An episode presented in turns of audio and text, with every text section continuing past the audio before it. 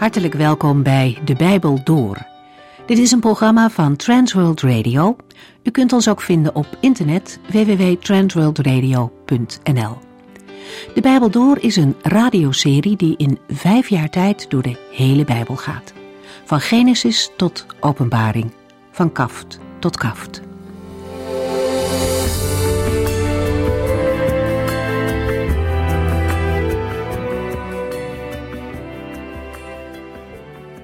We lezen vandaag verder uit het tweede hoofdstuk van de eerste brief van de apostel Johannes. De vorige keer dachten we na over een groot gebod dat de Heere ons gegeven heeft, namelijk het gebod om anderen lief te hebben. Dit gebod was al heel oud, maar tegelijkertijd ook nieuw, toen de Heere Jezus het opnieuw opdroeg aan zijn volgelingen. Ook in het Oude Testament werd al gesproken over het liefhebben van je naaste. Maar in Christus gaat het echter nog een stap verder. We moeten elkaar lief hebben zoals Hij ons heeft liefgehad. En we weten hoe ver Zijn liefde reikte. Hij zette Zijn eigen leven in om ons te redden. En nu mogen wij ons leven inzetten om anderen lief te hebben. Niet alleen met woorden, maar juist ook met daden. Aan zo'n liefde zullen mensen kunnen zien dat we bij Christus horen. Als de liefde van Christus in ons woont, dan reikt die niet alleen naar onze vrienden, maar zelfs naar diegenen die ons vijandig behandelen. Het is een keuze om mensen respectvol en goed te behandelen, ook als zij ons onheus hebben bejegend. Van nature zijn we geneigd om mensen net zo te behandelen zoals ze het ons hebben gedaan.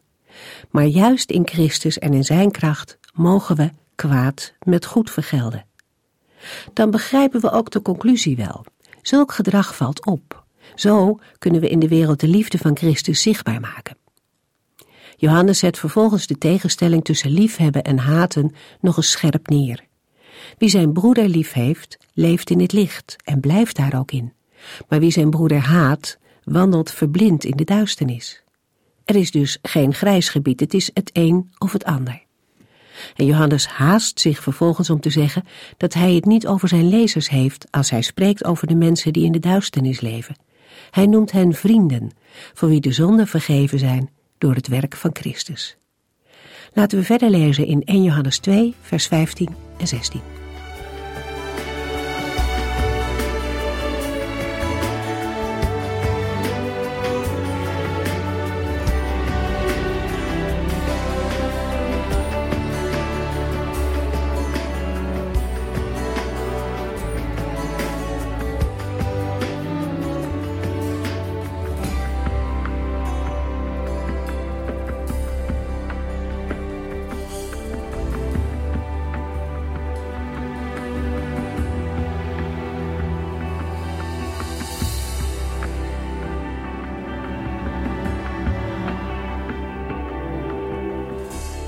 Na de beschrijving van de positieve situatie van de gelovigen in de versen 12 tot en met 14 waarschuwt Johannes voor een gevaar.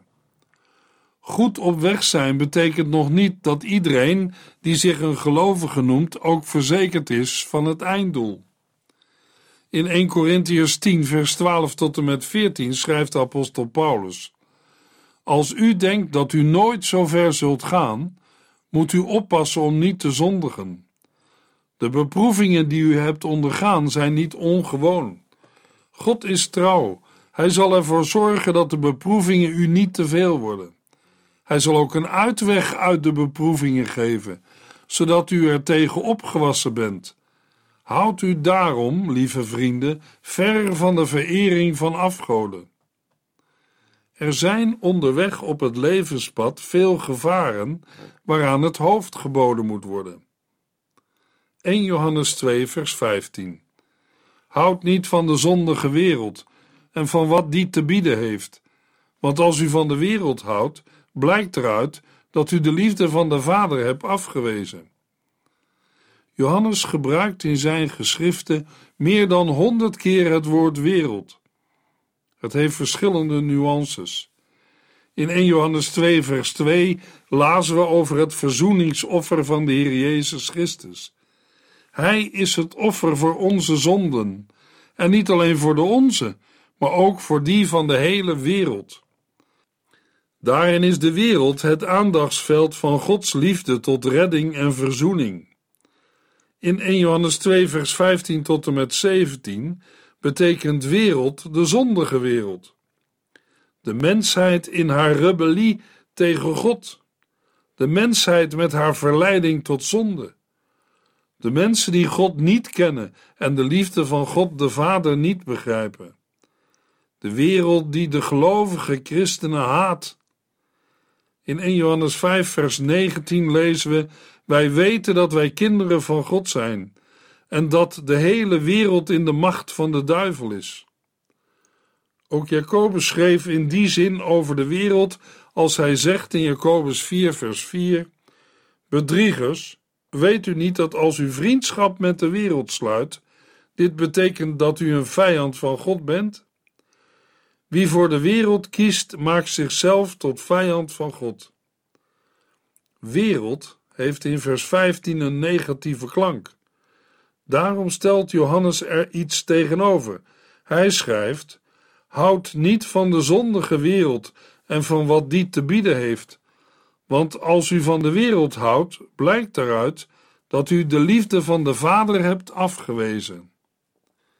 Tegenover de wereld liefhebben staat de liefde van de Vader. Daarbij heeft liefhebben een andere notie dan in 1 Johannes 2, vers 10. Daar ging het om de broederliefde, de zichzelf gevende liefde, die het belang van de ander op het oog heeft.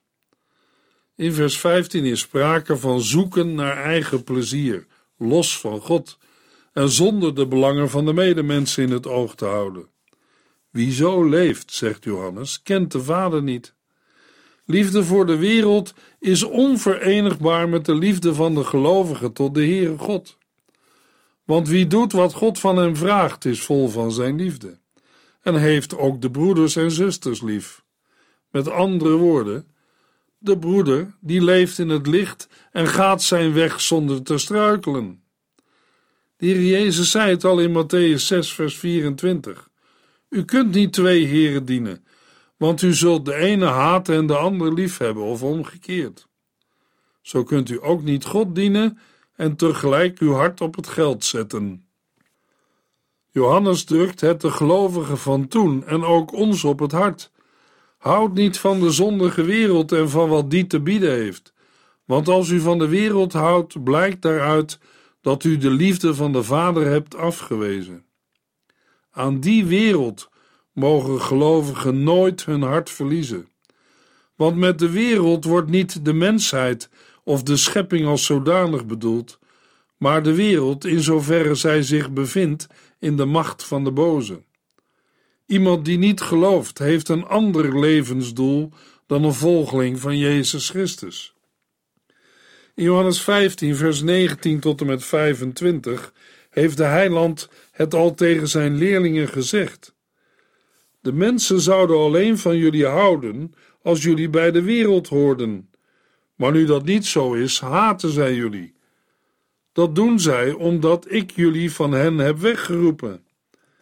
Weten jullie nog dat ik zei dat een knecht niet de meerdere van zijn baas is? Als ze mij hebben vervolgd, zullen ze jullie ook vervolgen. Als ze zich aan mijn woorden hebben gehouden, zullen ze zich ook aan jullie woorden houden. De mensen zullen jullie vervolgen, omdat jullie bij mij horen. Zij kennen God niet, die mij gestuurd heeft. Als ik niet gekomen was en tot hen gesproken had, zouden ze niet schuldig zijn.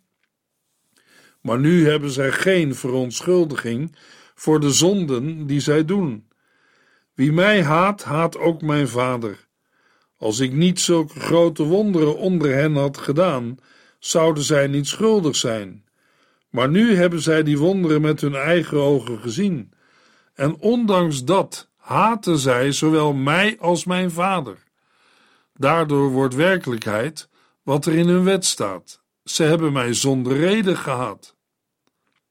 Sommige mensen denken dat van de wereld houden iets te maken heeft met uiterlijke kenmerken, zoals het soort mensen met wie wij omgaan, plaatsen waar we komen of activiteiten waaraan wij al of niet deelnemen. Maar dat heeft er wel mee te maken, maar het is niet de kern. Want van de wereld houden begint in ons hart.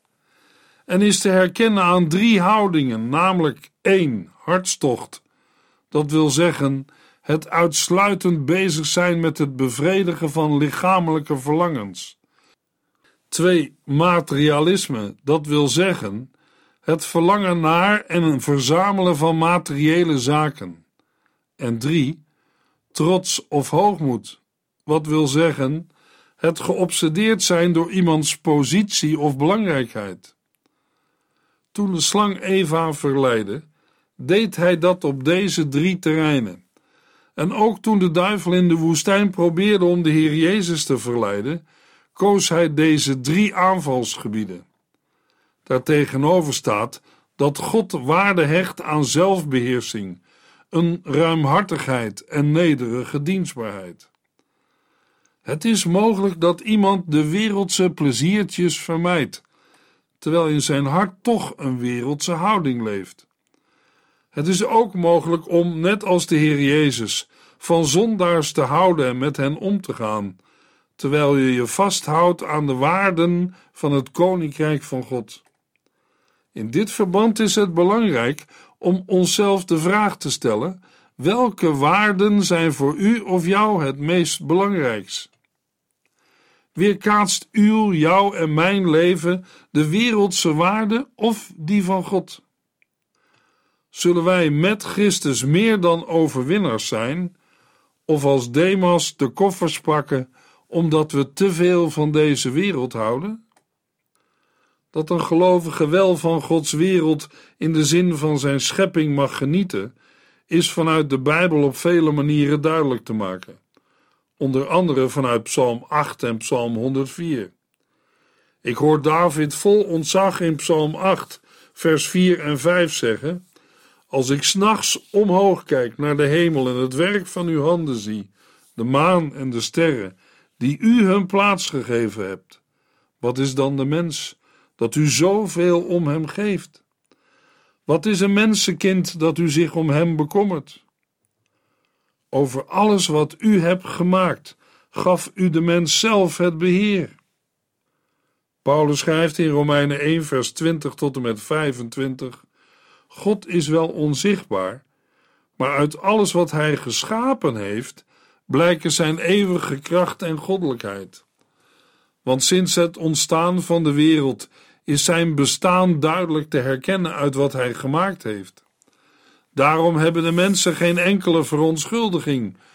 Hoewel de mensen in staat waren God te kennen, wilden ze hem niet de eer geven die hem toekomt en hem niet eens danken voor alles wat hij heeft gedaan. Zij hielden zich met allerlei ideeën bezig. In hun verdwazing raakten zij het spoor bijster. Hoewel zij dachten dat ze alles wisten, waren zij in werkelijkheid dom. In plaats van de eeuwige God te eren, maakten zij afgodsbeelden van sterfelijke mensen, vogels, zoogdieren en reptielen.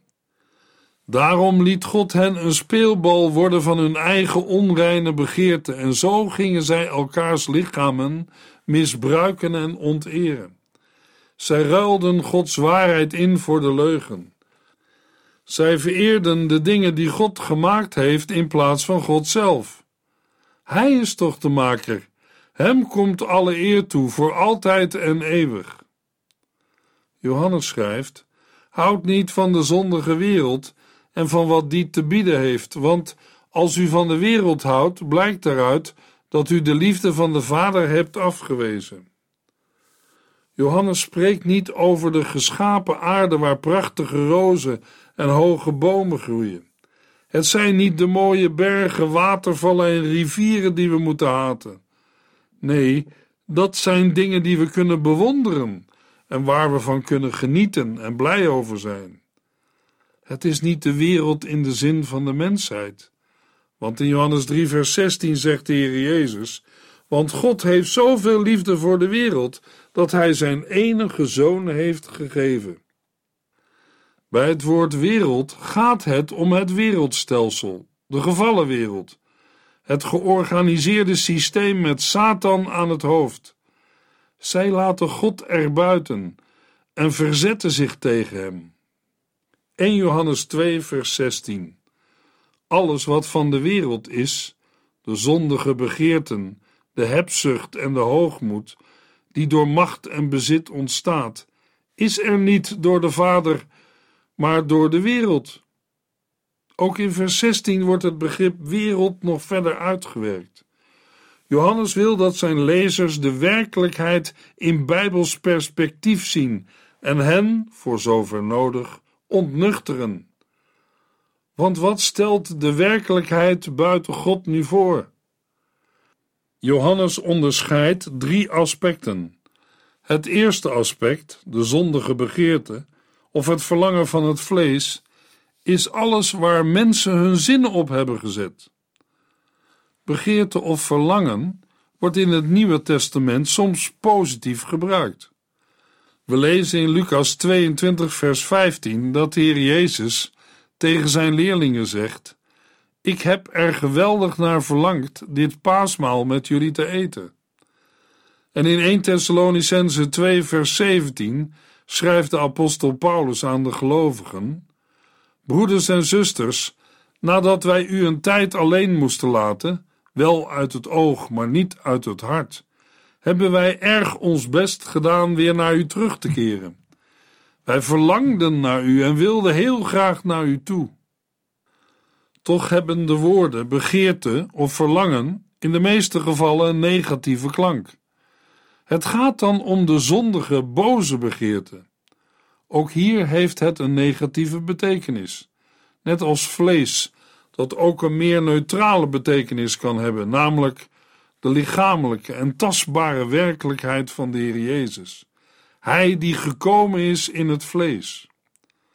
De negatieve betekenis van vlees is een aanduiding voor een manier van leven, namelijk gericht op zichzelf, een vleeselijke manier van leven. Dat wil zeggen, los van God.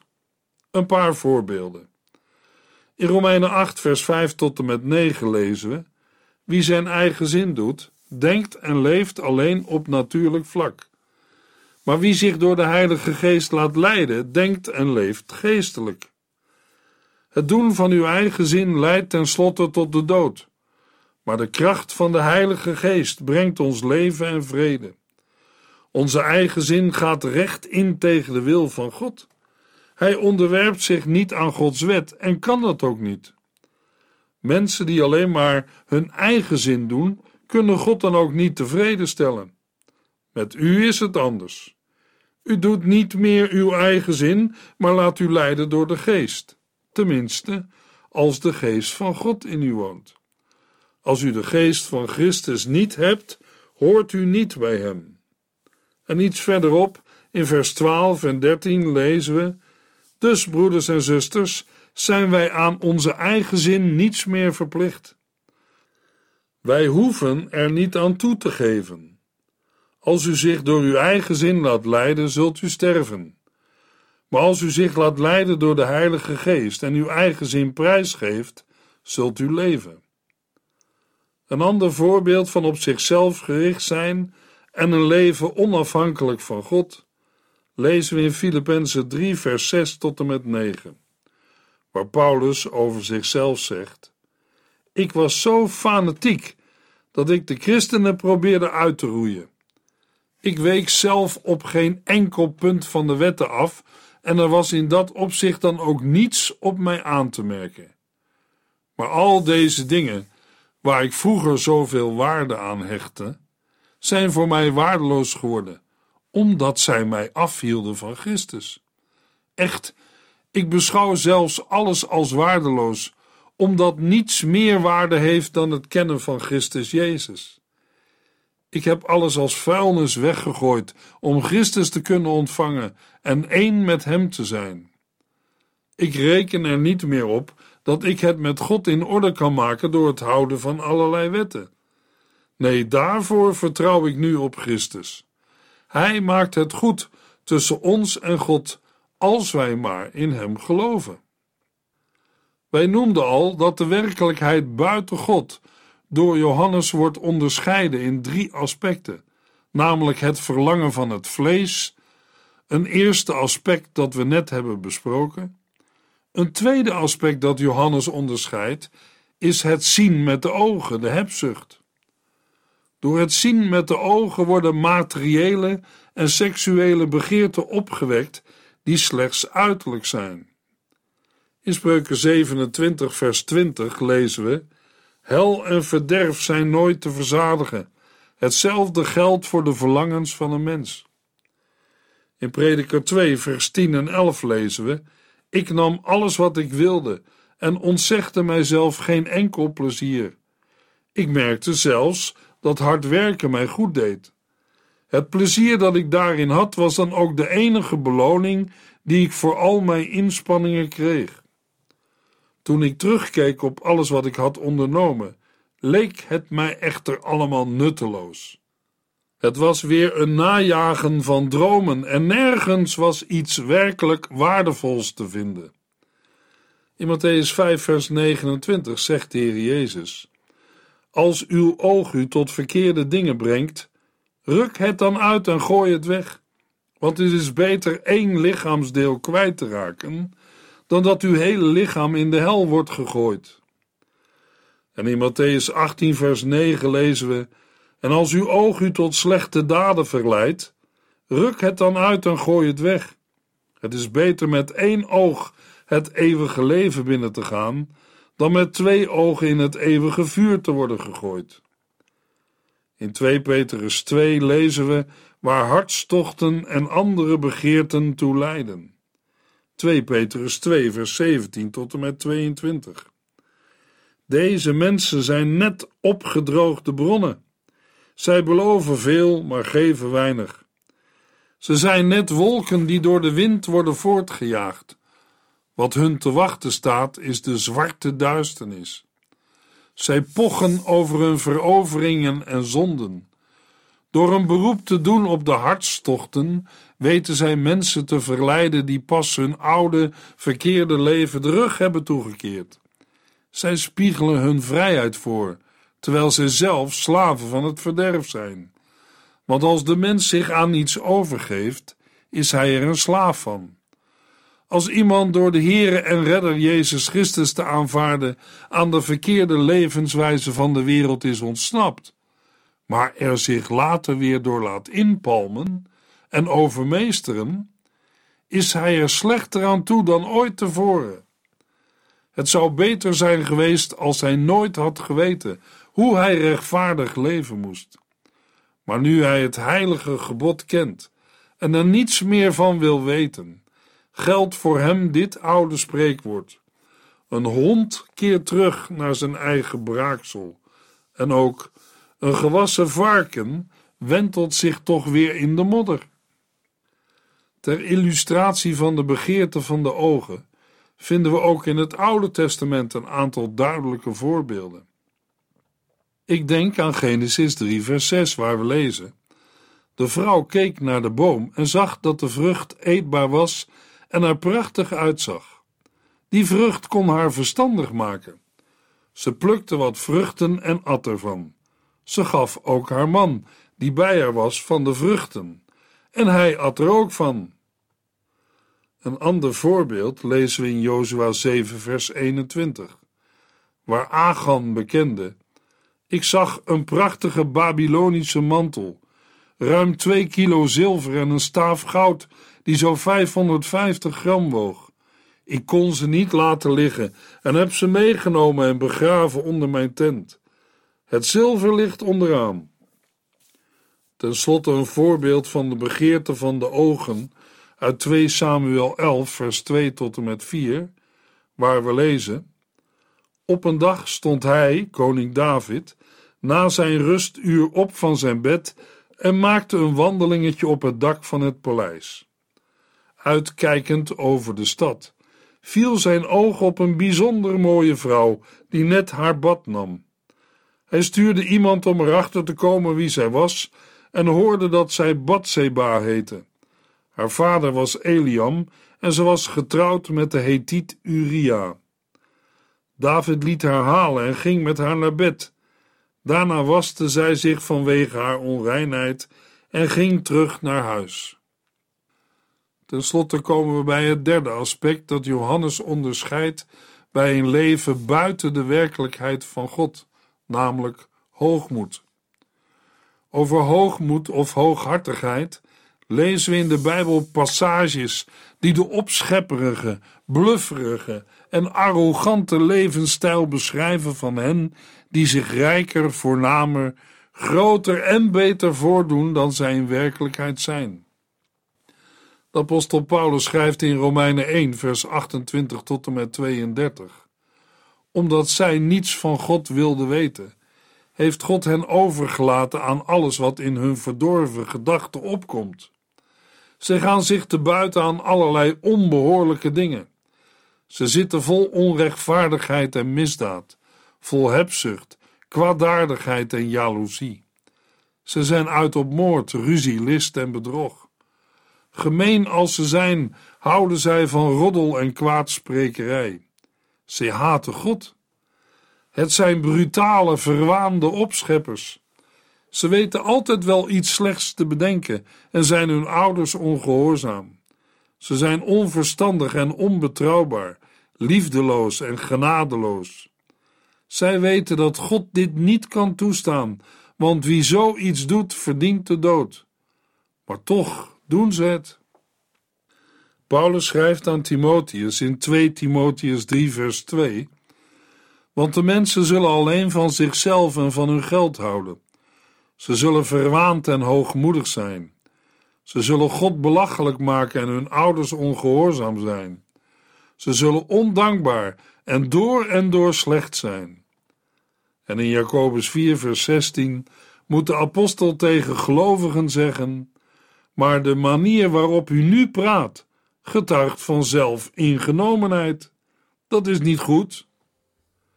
Luisteraar, het zijn verleidingen waar elke gelovige steeds weer mee te maken heeft. Ze zijn er niet door de Vader, maar door de wereld. Maar daarover meer in de volgende uitzending.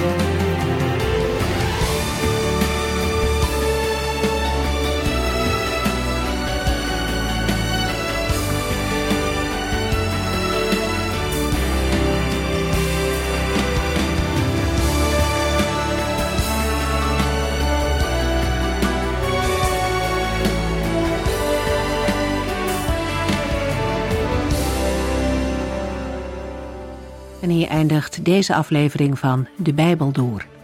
Een serie programma's van Transworld Radio. Wilt u ons iets vragen of meer weten? Dan kunt u altijd contact met ons opnemen. Bellen kan overdag met 0342 478432. Per post Transworld Radio. Postbus 371. Postcode 3770. Anton Johannes in Barneveld. En e-mailen kan ook. De Bijbel door at transworldradio.nl En natuurlijk ook via onze website transworldradio.nl Dit programma werd gepresenteerd door Cor Weda en Ike André. En namens iedereen die er nog meer aan meegewerkt heeft, graag tot de volgende keer.